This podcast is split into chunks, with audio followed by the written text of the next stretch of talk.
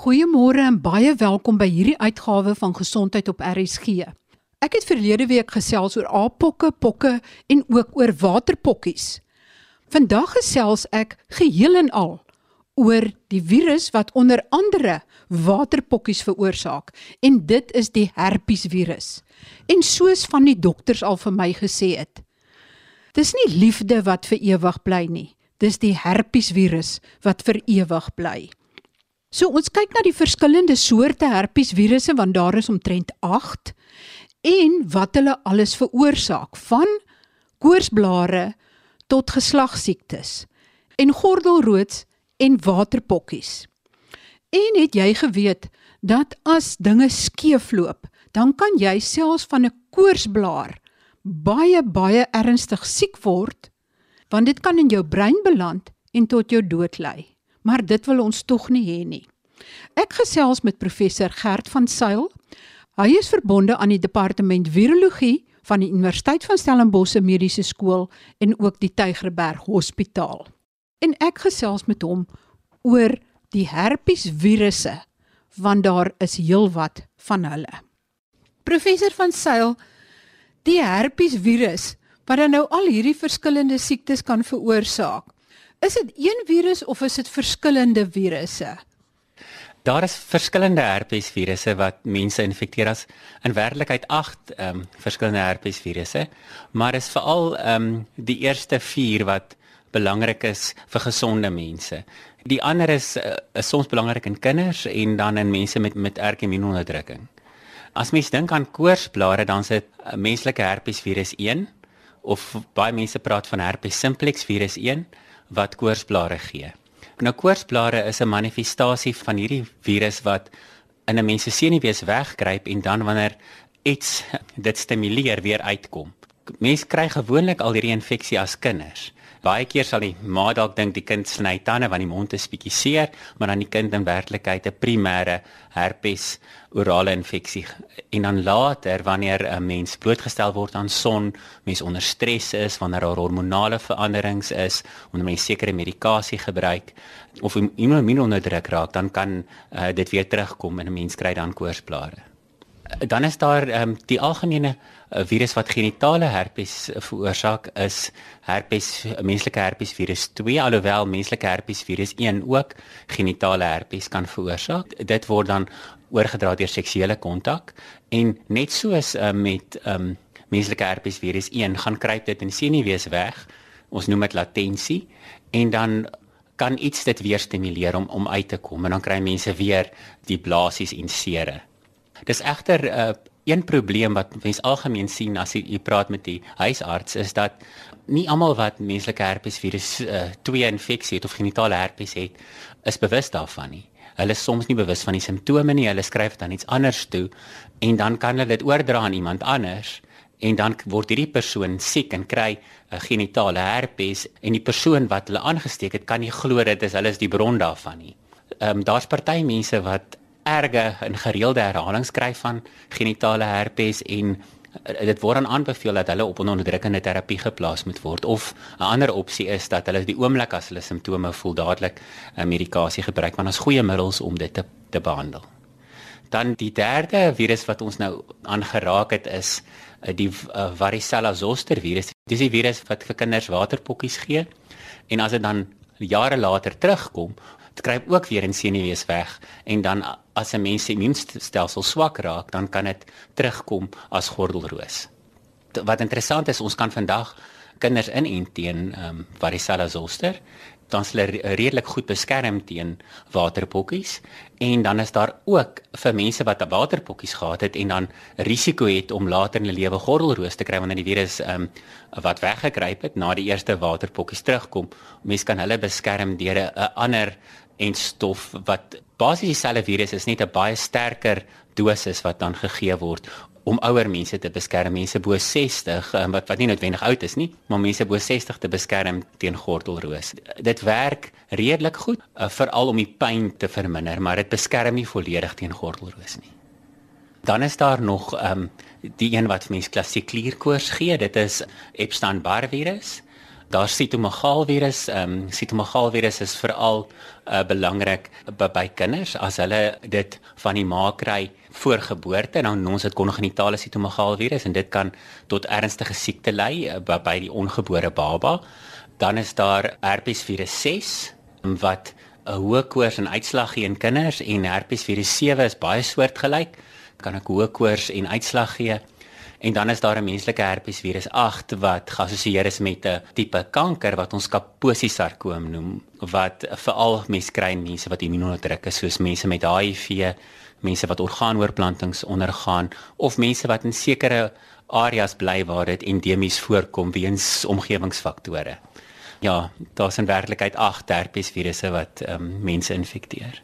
Die moderne klassifikasie word veral op die virusse genetika gedoen dis nie net mense wat herpesvirus het nie, maar daar's verskillende ander diere, soos ape het baie soortgelyke eh, herpesvirus en 'n klomp verskillende soogdiere word deur herpesvirusse uh, geïnfekteer.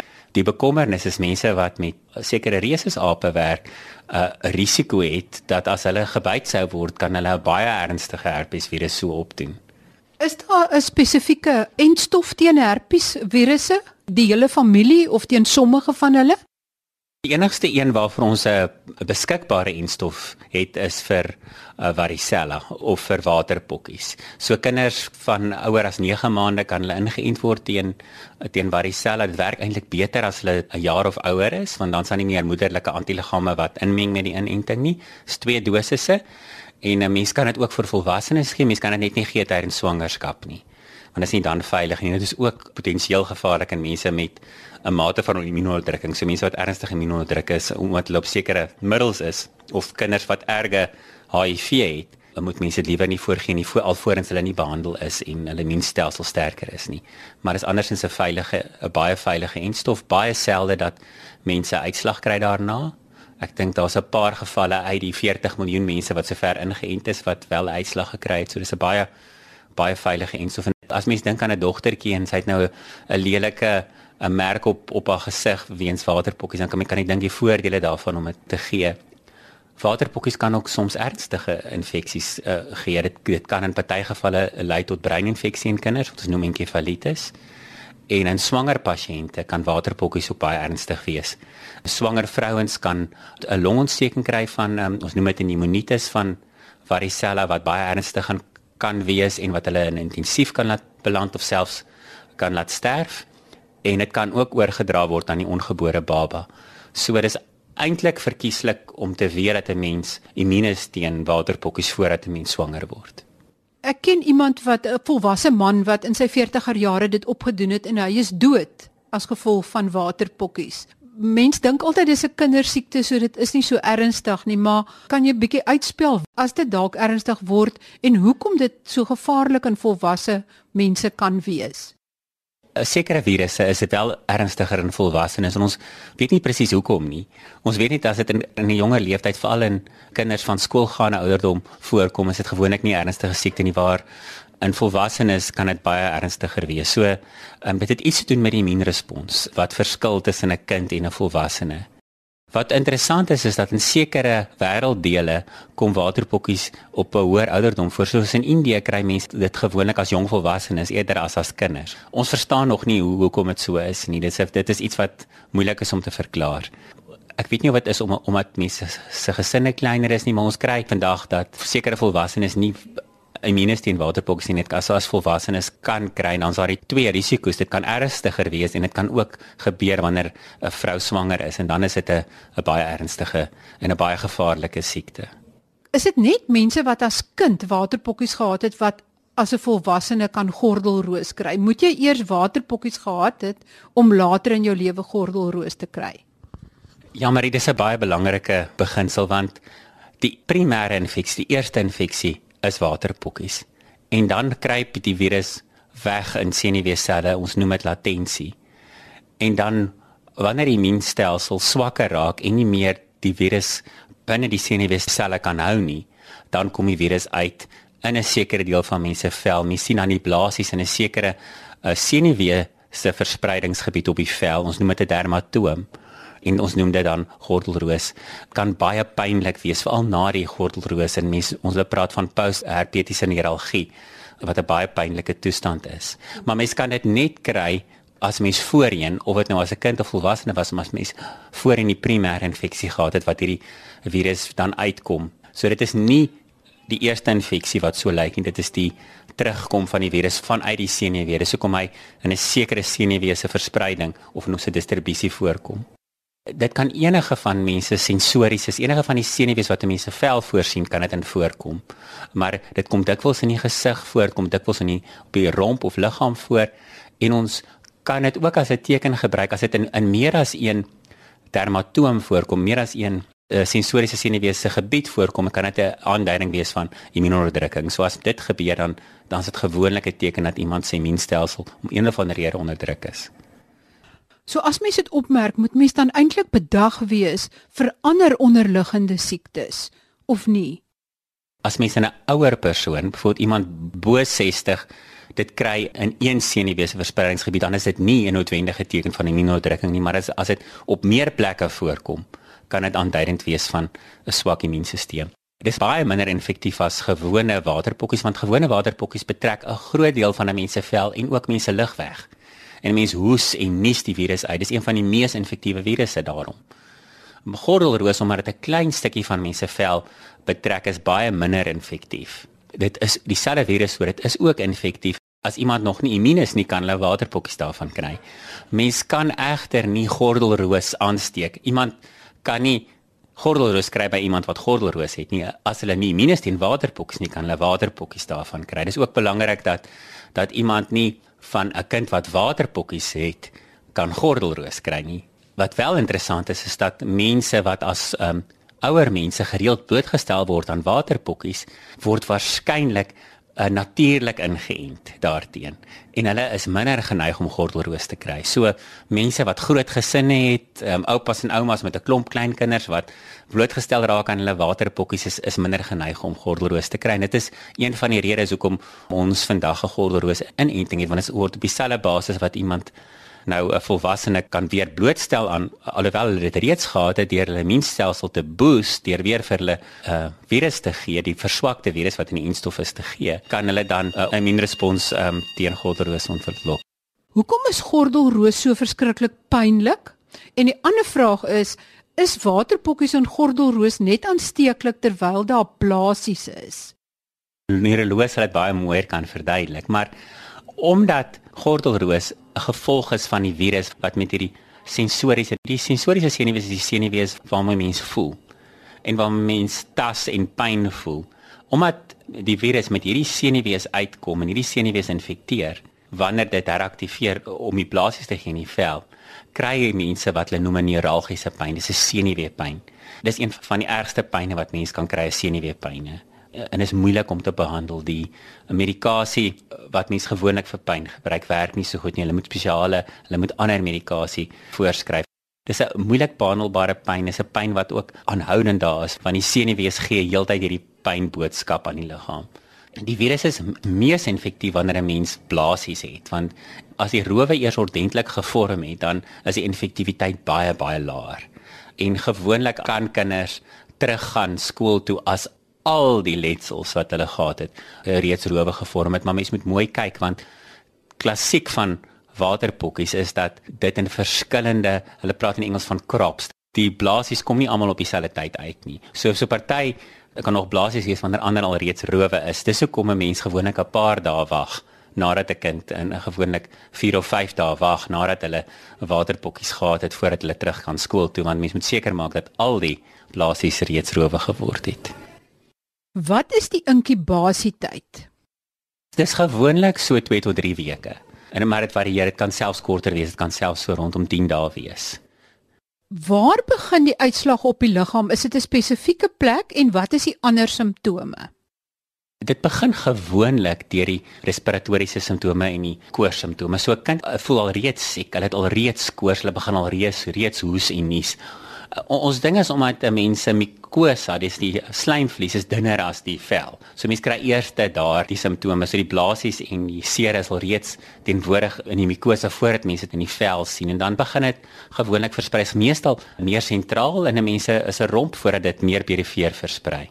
En dit wissel. Party mense het baie blaasies en party mense het min blaasies en en dit kom ook nie almal op dieselfde tyd uit nie. Goed, dan is ons by die algemene een, sê maar koorsblare. Is daar spesifieke behandeling daarvoor? En hoe aansteeklik is dit? Die eerste ding wat 'n mens moet weet is wat die aansteeklikheid betref is dat die klassieke koorsblare wat ons kry is ook die heraktivering van 'n virus wat wat mense reeds gewoonlik as 'n kind opgedoen het. So as 'n mens al van tevore 'n koorsblaar gehad het, gaan jy nie by iemand anders se koorsblaar aansteek nie want jy het reeds die virus in jou lyf maar dit is baie aansteeklik as mens nou 'n kind sou soen wat nog nie die infeksie gehad nie. Mense sou dink ek verbeel my altyd dit is die ooms en tannies wat die klein babatjies soen en dan kry hulle of die oupas en oumas of die ma's en pa's en dan kry hulle die eerste keer hierdie infeksie. En die meeste van ons doen dit dan nou baie vroeg in ons lewe op, want dit is 'n redelik aansteeklike virus. Daar is wel middels waarmee mense dit mee kan behandel. Die beste is as 'n mens is 'n sistemiese terapie gebruik, nie net 'n roompie aansmeer nie, maar medikasie, die pille drink. En party mense wat herhaalde koorsblare kry, leer naand as dit net begin uitkom, dan drink hulle dadelik hulle pille vir 3 of 4 dae en dan is dan is die simptome minder erg en hulle 'n minder erge koorsblaar. Maak die pille regtig 'n verskil? Kan dit regtig die virus doodmaak? Wat die pille doen is dit inhibeer die virus se vermeerdering. So gewoonlik kan iemand die gevoel hier kom ek hoorsplaar uit. Omdat dit in die senuwees is en dan begin dit versprei 'n area tussen 'n mens se slijmvlies en 'n mens se vel en in daai area begin die virus dan in die epiteelselletjies, die selle van die vel begin dit nou repliseer. En dit versprei van een selletjie na die ander selle. So as 'n mens vroeg die medikasie gebruik, dan keer 'n mens dat dit versprei in 'n klomp selle infekteer in 'n groot blaas vorm. So mens kan 'n waarskynlik 'n groot blaas 'n klein blaasie maak en dit kan minder seer wees, kan gouer gesond word deur die vroegbehandeling te gebruik. Die virus bly wegkruip in daai senuwee, dit bly latent in die sensoriese senuwees en dit kan terugkom. En dan elke nou en dan kry mense 'n raar 'n komplikasie van. Die gewone 'n menslike herpesvirus 1 of herpes simplex virus 1 kan komplikasies gee. Nou en dan raak die virus verdwaal en dan beland dit in die brein. Dan kry mense herpes enkefalitis wat 'n baie ernstige siekte is en dit kan dodelik wees of ehm um, mense vat aan die letsel in hulle mond en hulle vryf hulle oë en hulle kry infeksie van hulle kornea van die oog se slijmvlies en dit kan ehm um, lelike letsels op die kornea veroorsaak en dan moet 'n mens na ehm um, oogarts toe gaan wat vir mense behandeling kan voorskryf. Dit is baie gevaarlik as mense dan onwetend uh, iemand dink dis allergiese reaksie en gee vir hulle onwetend uh, steroïddruppels vir hulle oog. Hulle kan selfs blind word daarvan. So is belangrik dat 'n mens um, dit betyds diagnoseer. En die ander ding wat ook kan gebeur is mense wat partykeer hulle naels of vingers skou, hulle kan infeksie kry, ons noem dit 'n herpetiese feit, wat 'n mens dan 'n baie pynlike infeksie kry van jou vinger. So as 'n paar ander komplikasies. En 'n interessante ding is ehm um, die die kinders wat nou rugby speel as as 'n ouetjie 'n koorsblaar het en hy gaan sak in die skram, dan kan sy mond natuurlik raak aan die aan die ander kinders en dan kry hulle wat dit die Engelse noem scrampox of wat ook genoem word herpes gladiatorum om te wys die mense wat nou stoei, die die stoeiers. Het dit altyd gekry want as hulle nou uh, met mekaar fisies in kontak kom en een se mond raak aan die ander se lyf, dan kan hulle wel blaasies kry op hulle op die lyf. Mense wat ekseem ly is en wat erge ekseem het, hulle as hulle herpes infeksie van hierdie ekseem letsels kry op hulle vel, kan dit vinnig versprei in die vel. En hulle kry partykeer 'n baie ernstige infeksie. Dis nog 'n skaars komplikasie wat ons kry met herpes infeksies. Maar wat van die genitale herpes? Hoekom sê jy iemand kan onbewus wees daarvan? Is hy simptoomvry of is hy net onbewus van die simptome? Dis 'n baie goeie vraag. Dit dit lyk asof die meeste mense wel simptome het, maar dit is so subtiel dat hulle nie weet dis genitale herpes. Hulle het nie noodwendig die blaasies of die seere nie. Maar hulle kan net 'n irritasie kry. En dan kan hulle infektief wees sonder dat hulle dit weet. Genitale herpes is dis 'n moeilike ding om om te beheer veral omdat mense onbewus is daarvan. En ons het al uh, gevalle gehad waar mense bekommerd is oor hoe op dese aarde het hulle nou hierdie infeksie opgedoen want hulle is nou jare getroud en getrou aan hulle genoot en hulle kan nie verstaan wat het gebeur nie en dan dan as mense na die geskiedenis kyk, daar's 'n partykeer 'n geval dat iemand dit jare gelede kon opgedoen het, maar nooit effektief genoeg was om dit oor te dra aan die aan die ander genoot en dan eers jare later miskien met iets wat hulle immuunstelsel onderdruk meer effektief raak en dit nou oordra. So dit is baie moeilik om om te bewys hoe dit oorgedra is en dit skep partykeer groot emosionele probleme. En daar's ook soveel verskillende moontlikhede, veral die orale tipe. Mense kan wat selfs 'n koorsblaar kry en dit kan op die ou end oorgedra word na genitale herpes. Mense kan selfs per ongeluk jouself um, infekteer byvoorbeeld net 'n bad um, as mens jou was met jou hande. So daar's allerlei moontlikhede. Dit is baie moeilik om altyd te sê hoe het 'n mens dit opgedoen en wat dit soms problematies maak vir en en groot stres en probleme veroorsaak. Kan mens hierdie genitale herpes behandel dat dit dit doodmaak of is dit maar dieselfde storie van dat die herpes maar net weer gaan sluimer eers? Kan jy regtig dit uitwis of is dit weer eens 'n wegkruip aksie? So gelukkig vir die meeste mense is dit die eerste infeksie dan in die eerste jaar na die eerste infeksie wat mense gewoonlik die ergste simptome met die mees gereelde infeksie en daarna raak dit gewoonlik minder gereeld. Maar as mense herhaaldelike genitale herpes aanvalle kry en is pynlik en erg en hulle wil ook hulle genoot beskerm dat hulle nie iemand anders aansteek nie, dan kan 'n mens onderdrukkende terapie gebruik. 'n mens kan dieselfde medikasie gebruik wat 'n mens gee om dit te behandel. Dieselfde medikasie mens gee wat mens selfs wat mens koorsblare mee behandel, kan 'n mens voorskryf. Mense gee net gewoonlik 'n laer dosis en hulle gee dit daagliks vir iemand vir 'n periode van 'n paar maande. Veral in die eerste jaar is dit van groot waarde en dan vir daardie periode uh, beskerm dit of keer dit dat iemand 'n herhaaldelike reaktivering kry. So as die virus begin uitkom, dan keer dit dat dit versprei en dan verminder dit hulle simptome. Mense kan ook mense leer om as die oomblik as hulle simptome voel dadelik die die terapie te begin gebruik en dit kan ook dan keer dat hulle erge simptome het. Wat hulle noem in Engels barrier protection, die gebruik van kondome kan ook die risiko van oordrag verminder, maar dit is anders as HIV waar dit baie effektief is, is dit minder effektief in in herpes omdat herpes ook die vel infekteer. So dit is nie 'n volkomme manier om mense te beskerm teen infeksie nie. So herpes versprei ook makliker, baie makliker om genitale herpes op te doen as om HIV op te doen en die voorkoms daarvan is ook baie hoër wêreldwyd as wat die voorkoms van HIV is. So daar's baie meer mense wat wat wel genitale herpes het as wat um, HIV het. As mens nie genitale herpes behandel nie, wat is die komplikasies daarvan? Die simptome is gewoonlik maar die sere, die die blaasies en die sere. Dit wil sien mense nie die sere en dit kan ook sekondêr geïnfekteer raak. Mense kan weer 'n ander infeksie daarin kry. As maas ehm um, genitale herpes het tydens die geboorte van 'n baba, kan die baba ons noem dit neonatale herpes kry. Neonatale herpes is baie gevaarlik vir die baba. Dit het 'n hoë uh mortaliteit. Dit kan die brein infekteer, kan die lewer infekteer, dit kan die slijmvlies en vel infekteer en hierdie kinders het dan 'n kans om te sterf van neonatale herpes. So dis een van die van die groot uh, bekommernisse is veral as vrouens genitale herpes het rondom kraam, is daar 'n hoë risiko vir oordrag na die baba. 'n Mens moet die baba dan dophou en dadelik begin behandel. Party mense sal selfs vir 'n hoë oordrag vir die babas begin behandel sonder um, dat daar simptome is, maar die aanbevole benadering is, is om die babas baie goed op te hou. In die oomblik as hulle enige tekens het van infeksie, hulle dadelik te begin behandel. Buiten die sigbare simptome, hoe weet julle verseker dit is die herpesvirus? Toets julle vir die virus? Die beste toetse is gewoonlik om vir die virus self te toets in die letsel. So ons kan 'n depper doen en dan ons toets in die laboratorium wat ons vir die virus se DNA toets. Ons noem dit 'n polimerase kettingreaksie. Dit is 'n baie sensitiewe toets. As mense hierdie NCI flieks en goed kyk en hulle toets vir 'n styfmeel, dit is dieselfde beginsel. Ons amplifiseer 'n klein bietjie DNA van die virus en dan kan ons sê watter tipe virus dit is. Baie dankie aan my gas vandag, professor Gert van Sail van die departement virologie aan die Universiteit van Stellenbosch Mediese Skool.